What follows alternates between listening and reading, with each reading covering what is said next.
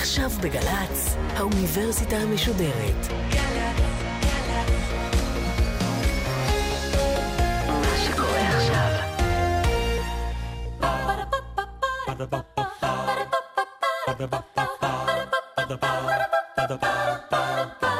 האוניברסיטה המשודרת בשיתוף מיזם וויז מציגה המדען העירום. מיטב החוקרים בישראל בשיחה עם בן שני אחד על אחד מול קהל. והפעם הפרופסור ערן הלפרין דיקן בית הספר איבצ'ר לפסיכולוגיה במרכז הבינתחומי הרצליה על הפסיכולוגיה של הסכסוכים. עורכת ראשית מאיה גאייר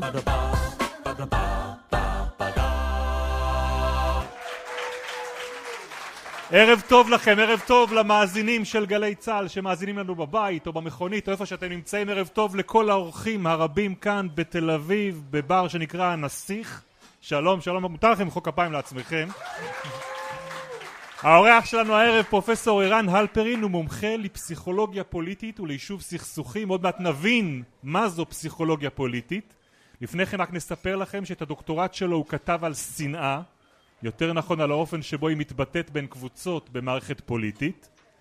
לדעתי פרופסור אלפרין רוב המאזינים שלנו הערב חשים שהנושא שאתה הולך לדבר עליו מוכר להם. קצת, באיזושהי צורה. באיזושהי צורה, כי אני לא בטוח שהדברים שאתה הולך להגיד יהיו כל כך מוכרים להם, כמו למשל העובדה ששנאה היא רגש שלפעמים חשוב למדינה במצבים של סכסוך, חשוב לה לפתח שנאה בקרב האזרחים שלה.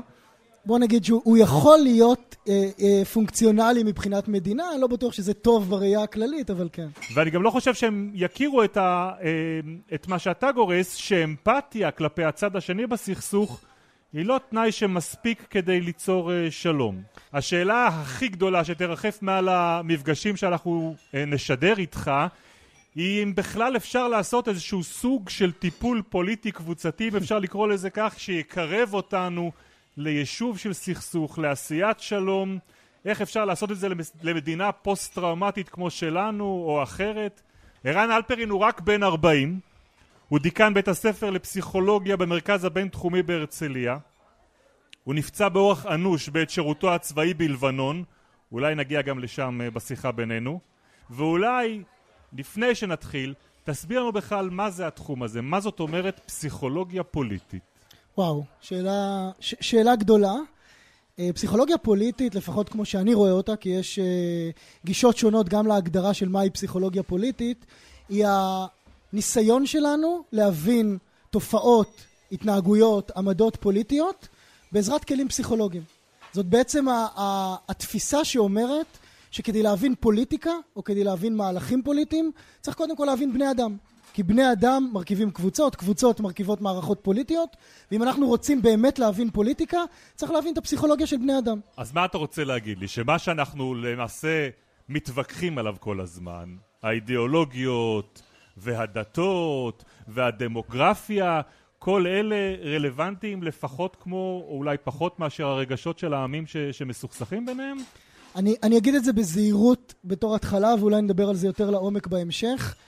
אני מאמין ומעריך שרוב בני האדם, כשאתה שואל אותם למה הם מצביעים למפלגה מסוימת, או למה הם תומכים ביציאה למלחמה, או לא תומכים, או כן תומכים בהסכם שלום מסוים, הם ייתנו את הנימוקים הרציונליים, ייתנו את הנימוקים האידיאולוגיים, הם ידברו על אינטרסים ועל איך זה משרת אותנו, או איך זה לא משרת אותנו, ואיך זה תואם את האידיאולוגיה שלי, ואיך זה לא תואם את האידיאולוגיה שלי, אבל בפועל אנחנו רואים בעשרות מחקרים שאנחנו מקיימים גם בהקשר הישראלי וגם במקומות אחרים ברחבי העולם שלפסיכולוגיה האנושית, לרגשות האנושיים, יש תפקיד מאוד מאוד משמעותי בתוך התהליכים האלה, ואני אגיד את זה בצורה יותר ברורה, בלי הבנה של הפסיכולוגיה האנושית, מאוד מאוד מאוד קשה להבין תהליכים פוליטיים.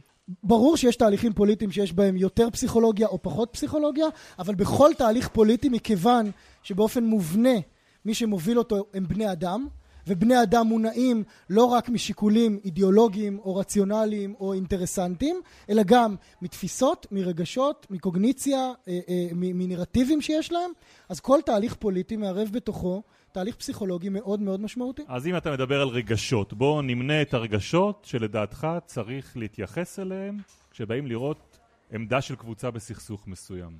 אוקיי, אז עכשיו אנחנו מדברים לא על פסיכולוגיה פוליטית באופן כללי, אלא על פסיכולוגיה פוליטית של קבוצות שחיות בתוך סכסוכים אה, אה, חברתיים או בתוך סכסוכים פוליטיים.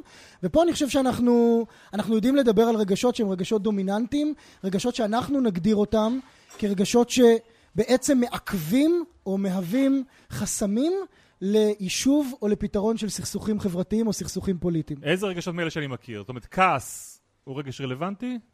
כעס הוא רגש רלוונטי, כעס יכול להיות חסם שמעכב יישוב של סכסוכים, אבל כעס הוא רגש שגם מאוד מאוד חשוב בקידום של יישוב הסכסוך. חשוב. חשוב... באיזה מובן כעס חשוב? אוקיי, אז אתה, אז אתה מאלץ אותי אה, אה, לספר את הסיפור של כעס, ואני חושב שצריך להבין, ואני אגיד מילה אחת לפני שאני אדבר על כעס, כדי, כדי לתת לזה את המסגרת הכוללת. כשאנחנו מדברים על רגשות ועל הכוח שלהם בתוך סכסוכים, יש איזו נטייה לאנשים להגיד, אוקיי, זה נורא פשוט. אנחנו, רוב האנשים, אני מעריך, שיושבים מסביבנו, יגידו, אנחנו מבינים שלרגשות יש תפקיד בתוך סכסוכים, ואנחנו מבינים שאם אנחנו רוצים ליישב סכסוכים, אז בואו נפחית רגשות כמו פחד, כעס, שנאה, ייאוש ו- וגועל, ובואו נגביר רגשות חיוביים כמו אמפתיה, תקווה ורגשות אחרים. אנחנו שבאים מתוך התחום של פסיכולוגיה ומבינים את, ה, את המהות ואת הטבע המאוד ייחודי שיש לרגשות, יודעים להגיד שהתמונה היא הרבה יותר מורכבת. ושאי אפשר לדבר רק על רגשות חיוביים אל מול רגשות שליליים, ושיש רגשות חיוביים שיכולים להיות מאוד הרסניים בהקשר של סכסוכים, ויש רגשות שליליים שמאוד מאוד חשובים כדי לקדם יישוב של סכסוך. ואני עוד שנייה מגיע לכעס, ומה שצריך לעשות כדי להבין באמת את הפעולה של כל רגש ורגש, הוא להבין את הסיפור הייחודי שיש בכל רגש. ובואו ניקח את כעס כי אתה שאלת עליו. רוב בני האדם יגידו לכם שכעס זה דבר נורא לסכסוכים. כעס מוביל אנשים לרצות להיות אגרסיביים, לרצות לתקוף את הקבוצה השנייה, אה, לרצות לנקוט בפעולה אלימה, אולי כדי ללמד את הקבוצה השנייה לקח. אבל בואו נחשוב מה זה כעס, וננסה לחשוב על כעס מחיי היום-יום שלנו. בן אדם שכועס הוא בן אדם שמרגיש שנעשה לו עוול. שמישהו פגע בו, שמישהו עשה לו משהו שהוא לא צודק, שהוא לא הוגן, שהוא לא פייר, שלא מגיע לו שיתייחסו אליו בצורה הזאת. אבל בן אדם שכועס הוא גם בן אדם שמרגיש שיש לו שליטה על הסיטואציה. שהוא מסוגל להגיב, שהוא מסוגל לתקן את מה שהוא תופס כ- כעוול, כמשהו שהוא לא תקין ולא הוגן. זאת אומרת שאנשים כועסים הם אנשים אקטיביים. הם אנשים שרוצים לפעול ורוצים לעשות משהו כדי לשנות את המצב. אנחנו מוצאים בלא מעט מחקרים שאנחנו עושים גם בהקשר של הסכסוך הישראלי-פלסטיני וגם בהקשרים של סכסוכים אחרים ברחבי העולם, שהרבה פעמים כעס הוא ההפך מאפתיה. הוא ההפך ממצב שבו בני אדם אומרים אין סיכוי, אני לא יכול לעשות כלום, אני לא יכול לשנות את המצב, מה שהיה הוא שיהיה. ושנאה? בשנאה הרבה יותר קשה לי למצוא, למצוא אלמנטים חיוביים. שוב, כדי להבין מה ההשפעה של שנאה בתוך הקשר של סכסוכים קשים, צריך להבין מה זאת שנאה. ואם אנחנו רוצים להבין מה זאת שנאה ותנסו לחשוב למה אתם מתכוונים כשאתם אומרים אני שונא אדם מסוים או קבוצה מסוימת או אפילו קבוצת ספורט שזה למשל הדבר שהכי קרוב כשאני מנסה לחשוב על שנאה אז זה הדבר הכי קרוב שאני יכול לחשוב עליו אז כשאנחנו אומרים אנחנו שונאים הדבר המיוחד פה הוא שאנחנו אומרים הקבוצה הזאת או האדם הזה זה לא רק שהוא פגע בי, זה לא רק שהוא עשה לי משהו שלילי, זה לא רק שמה שהוא עשה הוא לא הוגן או לא צודק, אלא אנחנו אומרים, מה שהם עשו נובע מהעובדה שזה הטבע שלהם, שהם כאלה, שהם רעים מטבעם או לא מוסריים מטבעם, והם לעולם, לעולם, לעולם לא השתנו. אדם כועס, רוצה לתקן. אדם ששונא אומר, אי אפשר לתקן. אי אפשר לתקן כי הם כאלה, הם לעולם יהיו כאלה, ואז הפתרונות לשנאה הם פתרונות מאוד מאוד מאוד הרסניים, מאוד דסטרוקטיביים, מאוד אלימים, מאוד מדירים, ולכן בשנאה מאוד קשה למצוא צדדים חיוביים, אם אפשר כן לחשוב על צד חיובי של שנאה, שנאה היא מאוד מאחדת, היא מאוד מאחדת את הקבוצה, ואפשר לחשוב על זה כאלמנט חיובי מסוגו. תגיד לי, עד כמה התחום הזה של פסיכולוגיה פוליטית הוא תחום אה, רווח, הוא מדע, הוא מקובל בכל העולם? אוקיי, אז זאת שאלה מצוינת. פסיכולוגיה פוליטית הוא, הוא, הוא תחום שתופס תאוצה מאוד מאוד משמעותית, ואני חושב שהוא תופס תאוצה מאוד משמעותית אה, גם במקביל לשינויים אחרים שנעשים בתפיסות שלנו כבני אדם לגבי הדרך שבה אנחנו חיים.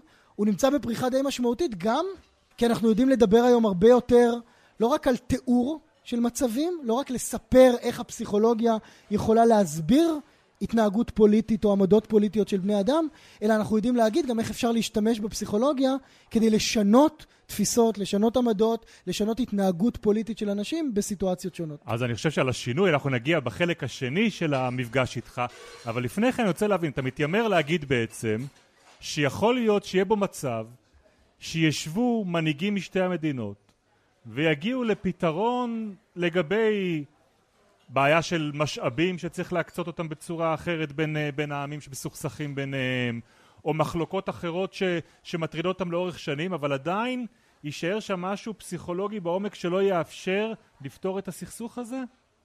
טוב, אתה, אתה אומר את הדברים אה, ברמה זהירה, ואני חושב שאני, בהתבסס על מחקר של לא מעט שנים, יכול להגיד את הדברים ברמה הרבה יותר אה, דרמטית, או הרבה יותר חד משמעית. אני יכול להגיד שכשאני חוקר את הדברים בתוך הזירה הישראלית, בתוך הקשר של חברה שגם אני מגיע ממנה, שחיה בקונפליקט קשה כל כך הרבה שנים ומשלמת מחירים מאוד מאוד קשים, גם אישיים וגם קולקטיביים, על הקונפליקט הזה, אז הדברים יכולים להישמע כמעט קשים לשמיעה. אני אתן לך שתי דוגמאות אה, אה, מאוד מאוד פשוטות. כשאנחנו בודקים, ואנחנו בודקים באופן מאוד עקבי, בהקשר של הקונפליקט הישראלי-פלסטיני, למרות שאנחנו עושים את אותם דברים גם בהקשרים של קונפליקטים אחרים ברחבי העולם, אנחנו שואלים ישראלים ופלסטינים שתי שאלות מאוד פשוטות. אנחנו שואלים אותם קודם כל, תגידו מה יהיה בסוף? איך זה ייראה? נמשיך לחיות פה באלימות קשה, איך זה ייראה, הסיפור? ואנחנו מקבלים באופן מאוד מאוד מאוד עקבי תשובות שמדברות על קונצנזוס. ישראלים ופלסטינים במעל 85% מתארים את אותו פתרון שיהיה לסכסוך הזה בסוף הדרך. זאת אומרת, שני הצדדים יודעים להגיד בדיוק איך הדבר הזה ייראה בסוף הדרך, ועדיין מאוד קשה להם להגיע לשם. כי אז אנחנו שואלים אותם, ותגידו, אם אנחנו נבטיח לכם שתהיה פה הפחתה משמעותית באלימות וששני הצדדים יכריזו על קץ הסכסוך. אתם מוכנים לעשות פשרות מאוד מאוד משמעותיות ואנחנו מציגים להם את הפשרות שוב, מתבסס על מתווים לשלום שדוברו פה, אם זה אולמרט אבו מאזן בתיקונים קלים, או דברים בסגנון של הסכמי השלום שהיו על השולחן בין ישראלים לפלסטינים לאורך השנים. באופן עקבי, במשך עשר שנים, אנחנו מקבלים תוצאה מאוד מאוד ברורה, שעל פיה מעל 70 אחוז מהפלסטינים ומעל 70 אחוז מהישראלים בלי קשר לעמדה הפוליטית שלהם, ימנים, שמאלנים, תומכי פת"ח, תומכי חמאס בקרב הפלסטינים, אומרים, כן, אנחנו מסכימים, אנחנו נלך למקום הזה. ומה המסקנה שלי משני הדברים האלה? שיש פה שני, שתי קבוצות, ואנחנו רואים את אותו דבר בקונפליקטים אחרים ברחבי העולם, שיודעות בדיוק לאן צריך להגיע כדי לה, להשיג הסכם של שלום, כי הן מתארות את זה, הן מתארות בדיוק את אותה סיטואציה.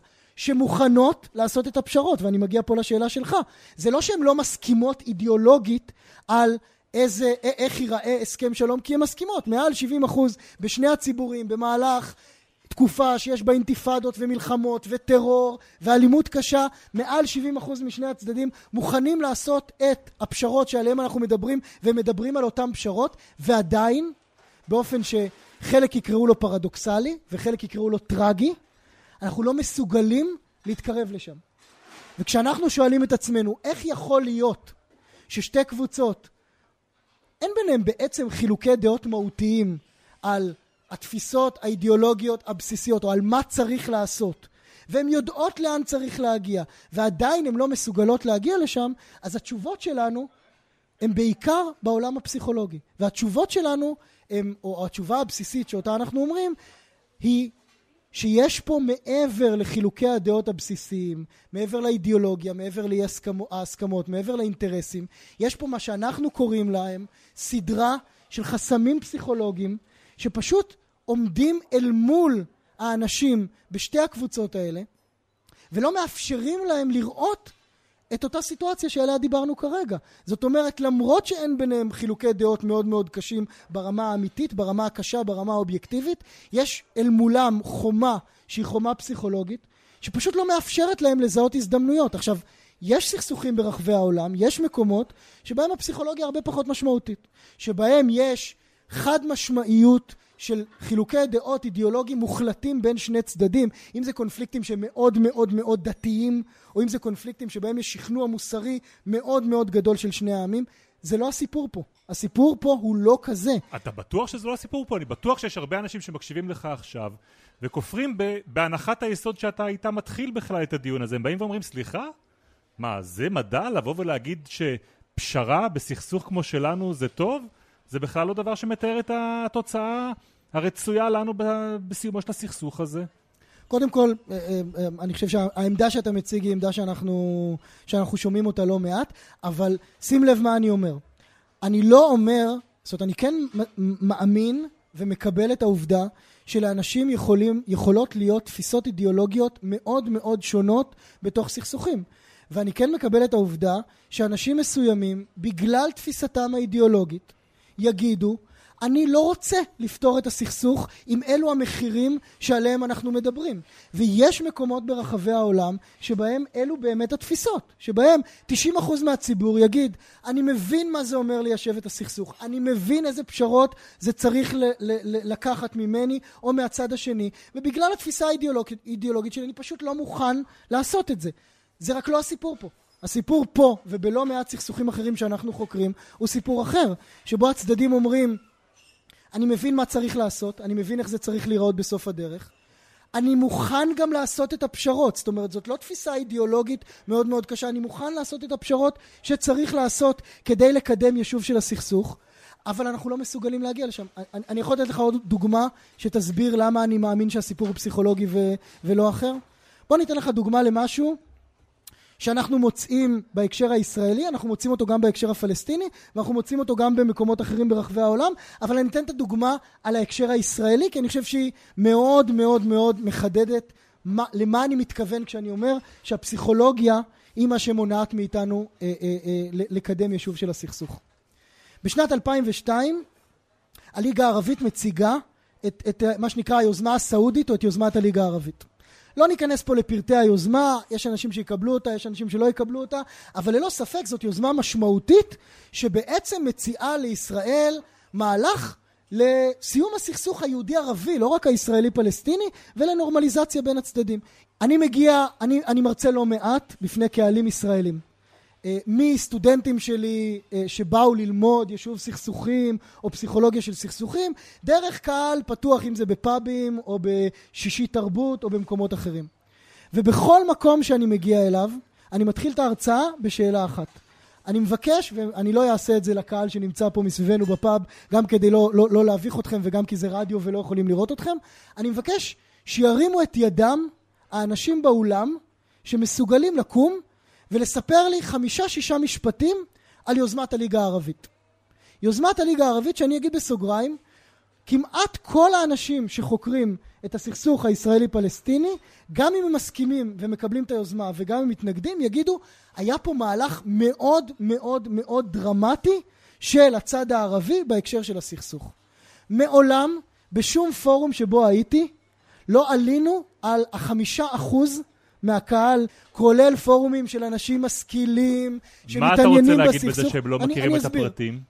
העובדה שאנחנו כציבור, ושוב אני אומר, זה לא ייחודי לחברה הישראלית, עשינו מחקרים דומים בחברה הפלסטינית, ואנחנו מקבלים בדיוק את אותה התוצאה. תחשבו מה זה אומר. זה אומר שאת היוזמה המשמעותית ביותר שהציע הצד הערבי בעשרות השנים האחרונות לקידום יישוב של הסכסוך, אנחנו כחברה הישראלית לא מתנגדים לה. להתנגד לה זה בסדר גמור. אבל להגיד, אין לנו מושג על מה הם מדברים, זה אומר שיש משהו אל מול העיניים שלנו, יש חסם, יש חומה, שאני קורא לה החומה הפסיכולוגית, שמונעת מאיתנו לזהות הזדמנויות שבאופן תיאורטי היו יכולות לקדם את הסכסוך. ממה היא בנויה החומה הזאת? אני, אני, אני עוד שנייה אסביר, אבל אם אתה שואל אותי, אם הצד הישראלי לא רואה את יוזמת הליגה הערבית, לא מכיר אותה, לא יודע על מה היא מדברת. ואם הצד הפלסטיני מהצד השני, למשל, לא מכיר את ההצעות שברק שם על השולחן בקמפ דיוויד, שהיו הצעות מאוד מרחיקות לכת כדי ליישב את הסכסוך, אז איך יהיה סיכוי שהעמים, שהחברות, יפעילו איזשהו לחץ כדי לקדם את היישוב של הסכסוך, כי הם פשוט לא רואים את הדברים האלה. אתה יודע לראות איפה באמת חברה, ההנהגה של החברה או האתוס הרווח בתוכה מטמיע את אותם חסמים שאתה מדבר עליהם? אנחנו חוקרים את זה, ואנחנו חוקרים את זה בלא מעט חברות שנמצאות במה שאנחנו קוראים להם סכסוכים מתמשכים, או סכסוכים, ב- ב- ב- באנגלית זה נקרא intractable conflicts. זה, זה קצת מדכא לתרגם את זה לעברית, כי זה נקרא סכסוכים בלתי פתירים, או בלתי נשלטים. והדבר המעניין שאנחנו רואים, הוא שההטמעה של מה שאנחנו קוראים לה התשתית הפסיכולוגית, מה שמייצר אחר כך את החסמים הפסיכולוגיים שעליהם אנחנו מדברים, הוא תהליך שמתרחש באופן מאוד מאוד דומה בכל חברה שנמצאת בסכסוך קשה או בסכסוך אה, אה, מתמשך בסכסוך ארוך. והתהליך הוא תהליך מאוד מאוד הגיוני ואני אנסה להסביר אותו ב, בשתי דקות אם זה, אם זה נראה לך נכון שנעשה את זה. בואו ננסה לעשות את זה. כש, כשחברות נמצאות בסכסוכים קשים, הן מתמודדות עם אתגר, או, או, עם, או עם, נקרא לזה, שני אתגרים מאוד מאוד מאוד לא פשוטים. האתגר האחד, החברות האלה חייבות לגייס את הציבור למצב שבו הציבור יגיד, אני מוכן להקריב את האינטרסים האישיים שלי למען הסכסוך, למען הקונפליקט. אם נגיד את זה בשפה הישראלית הידועה, אז אנחנו צריכים להביא למצב שבני נוער בישראל יגיעו לגיל 18 ויגידו, טוב למות בעד ארצנו. או יש לזה מונחים שונים בחברות שונות, וזה האתגר הראשון. האתגר הראשון הוא לגייס את הציבור לטובת הקונפליקט.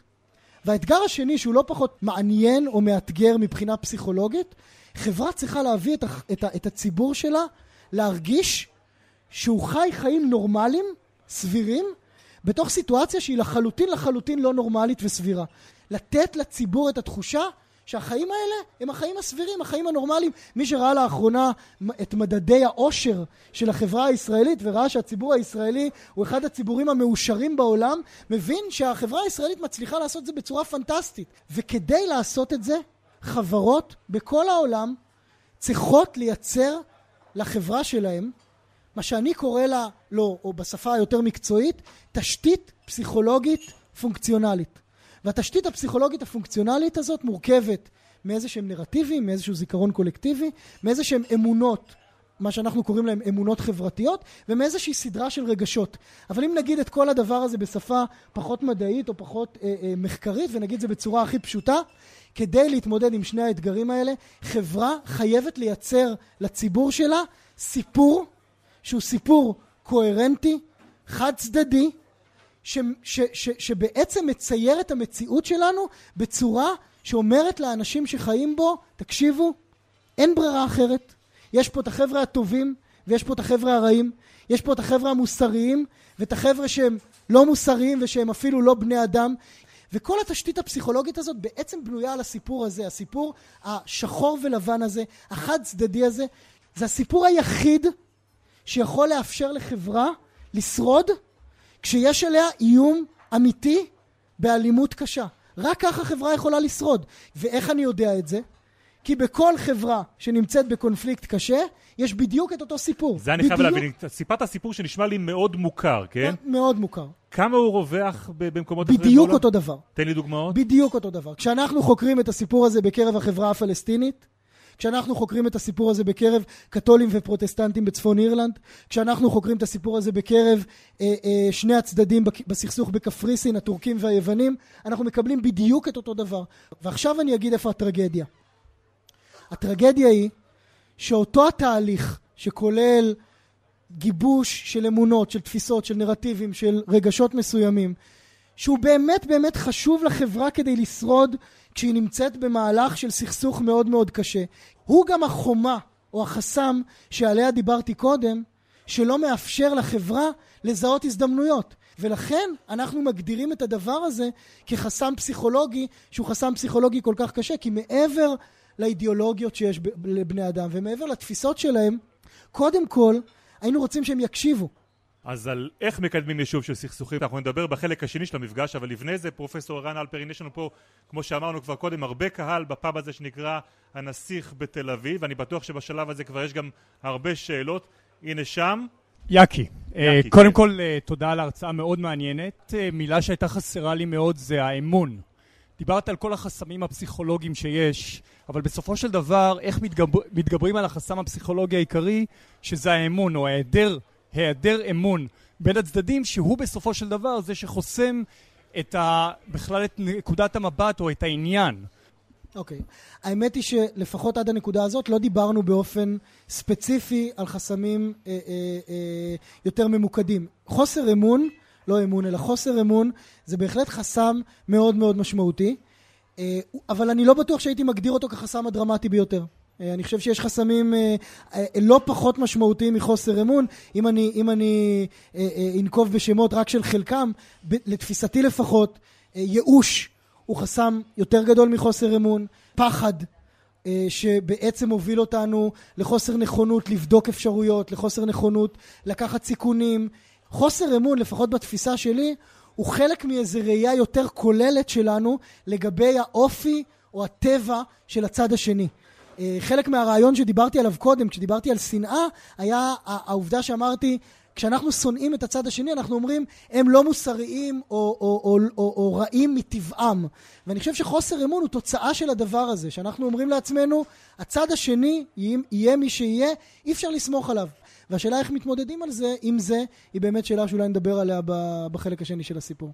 כן, רציתי לשאול באיזה מצב היית ממליץ למתמודד או למפלגה לנהל קמפיין נגטיבי, באיזה מצב דווקא היית אומר שזה יפגע בו? אז, אז אני קודם כל אגיד שקמפיינים של בחירות זאת לא המומחיות שלי. אני אגיד זה ברמה המאוד מאוד פשוטה, אה, דווקא מתוך העולם הרגשי, שהעולם הרגשי הוא, אה, הוא כן המומחיות שלי, לפחות העולם הרגשי הפוליטי, אני לא בטוח שהעולם הרגשי האישי הוא המומחיות שלי, אבל העולם הרגשי הפוליטי הוא, הוא כן המומחיות שלי, והתשובה אני חושב שהיא כמעט אינטואיטיבית. אה, בעולם של פסיכולוגיה פוליטית אנחנו נוהגים לומר שרגשות נגטיביים, אה, בעיקר רגשות של פחד, הם רגשות שיעילים ורלוונטיים בעיקר למתמודדים שמרגישים שהם בפיגור. מנהיגים שמרגישים שהם בפיגור, או מפלגות שמרגישות שהם בפיגור, מה שהן בעצם צריכות לעשות זה לגרום לאנשים, או לציבור הרלוונטי, לקהל היעד שלהם, לנהור לקלפיות. להגיד לעצמו, להגיד לעצמו, משהו לא עובד פה. כן. משהו בתפיסה הבסיסית שאיתה חשבתי ללכת לבחירות, לא עובד פה ואני צריך לבדוק את עצמי מחדש. מה שגורם לאנשים לבדוק את, את, את עצמם מחדש זה בעיקר פחד.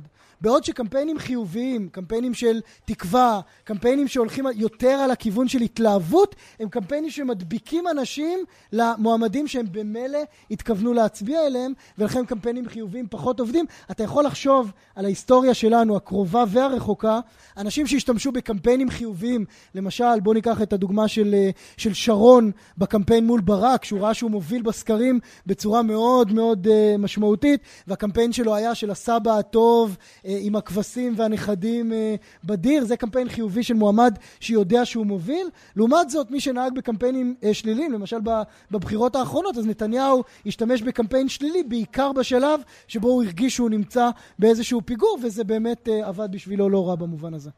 פרופסור ערן אלפרין, אל תלך לשום מקום. אנחנו נפרדים עכשיו מהמאזינים שלנו בגלי צה"ל. הם ישובו למפגש המרתק הזה בשבוע הבא, אבל בינתיים נודה למי שעזר אה, לקיים אותו, לעורכת שלנו, אפשר, אפשר למחוא כפיים. לעורכת של האוניברסיטה המשודרת, למאיה גייר, למפיקות אביגיל קוש ולתום נשר. אביגיל קוש גם ערכה את התחקיר למפגש הזה ולכל המפגשים של המדען העירום. לטכנאים שלנו מיכאל אבו וליעד גרושקה, תודה לשותפים שלנו ממיזם וויז, תעקבו אחריהם ואחרינו בפייסבוק אל המפגשים הבאים שלנו בסדרה הזאת של המדען העירום, ועד אז, להתראות לכם כאן מתל אביב.